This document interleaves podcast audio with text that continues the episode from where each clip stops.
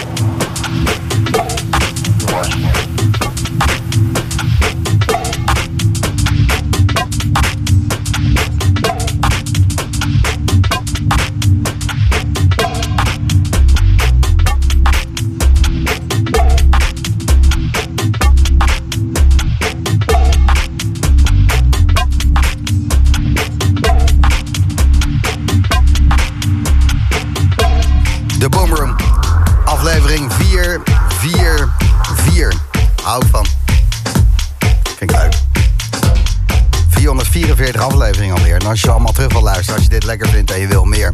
check het maar, soundcloud.com slash Official. Daar kan je alles vinden. Er staat alles. En deze set staat er maandag ook weer op. Goed toch? Tussen 11 en 12 bij Slam hoor je nog Collé in de mix. En tot die tijd allemaal nieuw, allemaal unreleased. Dennis Quinn.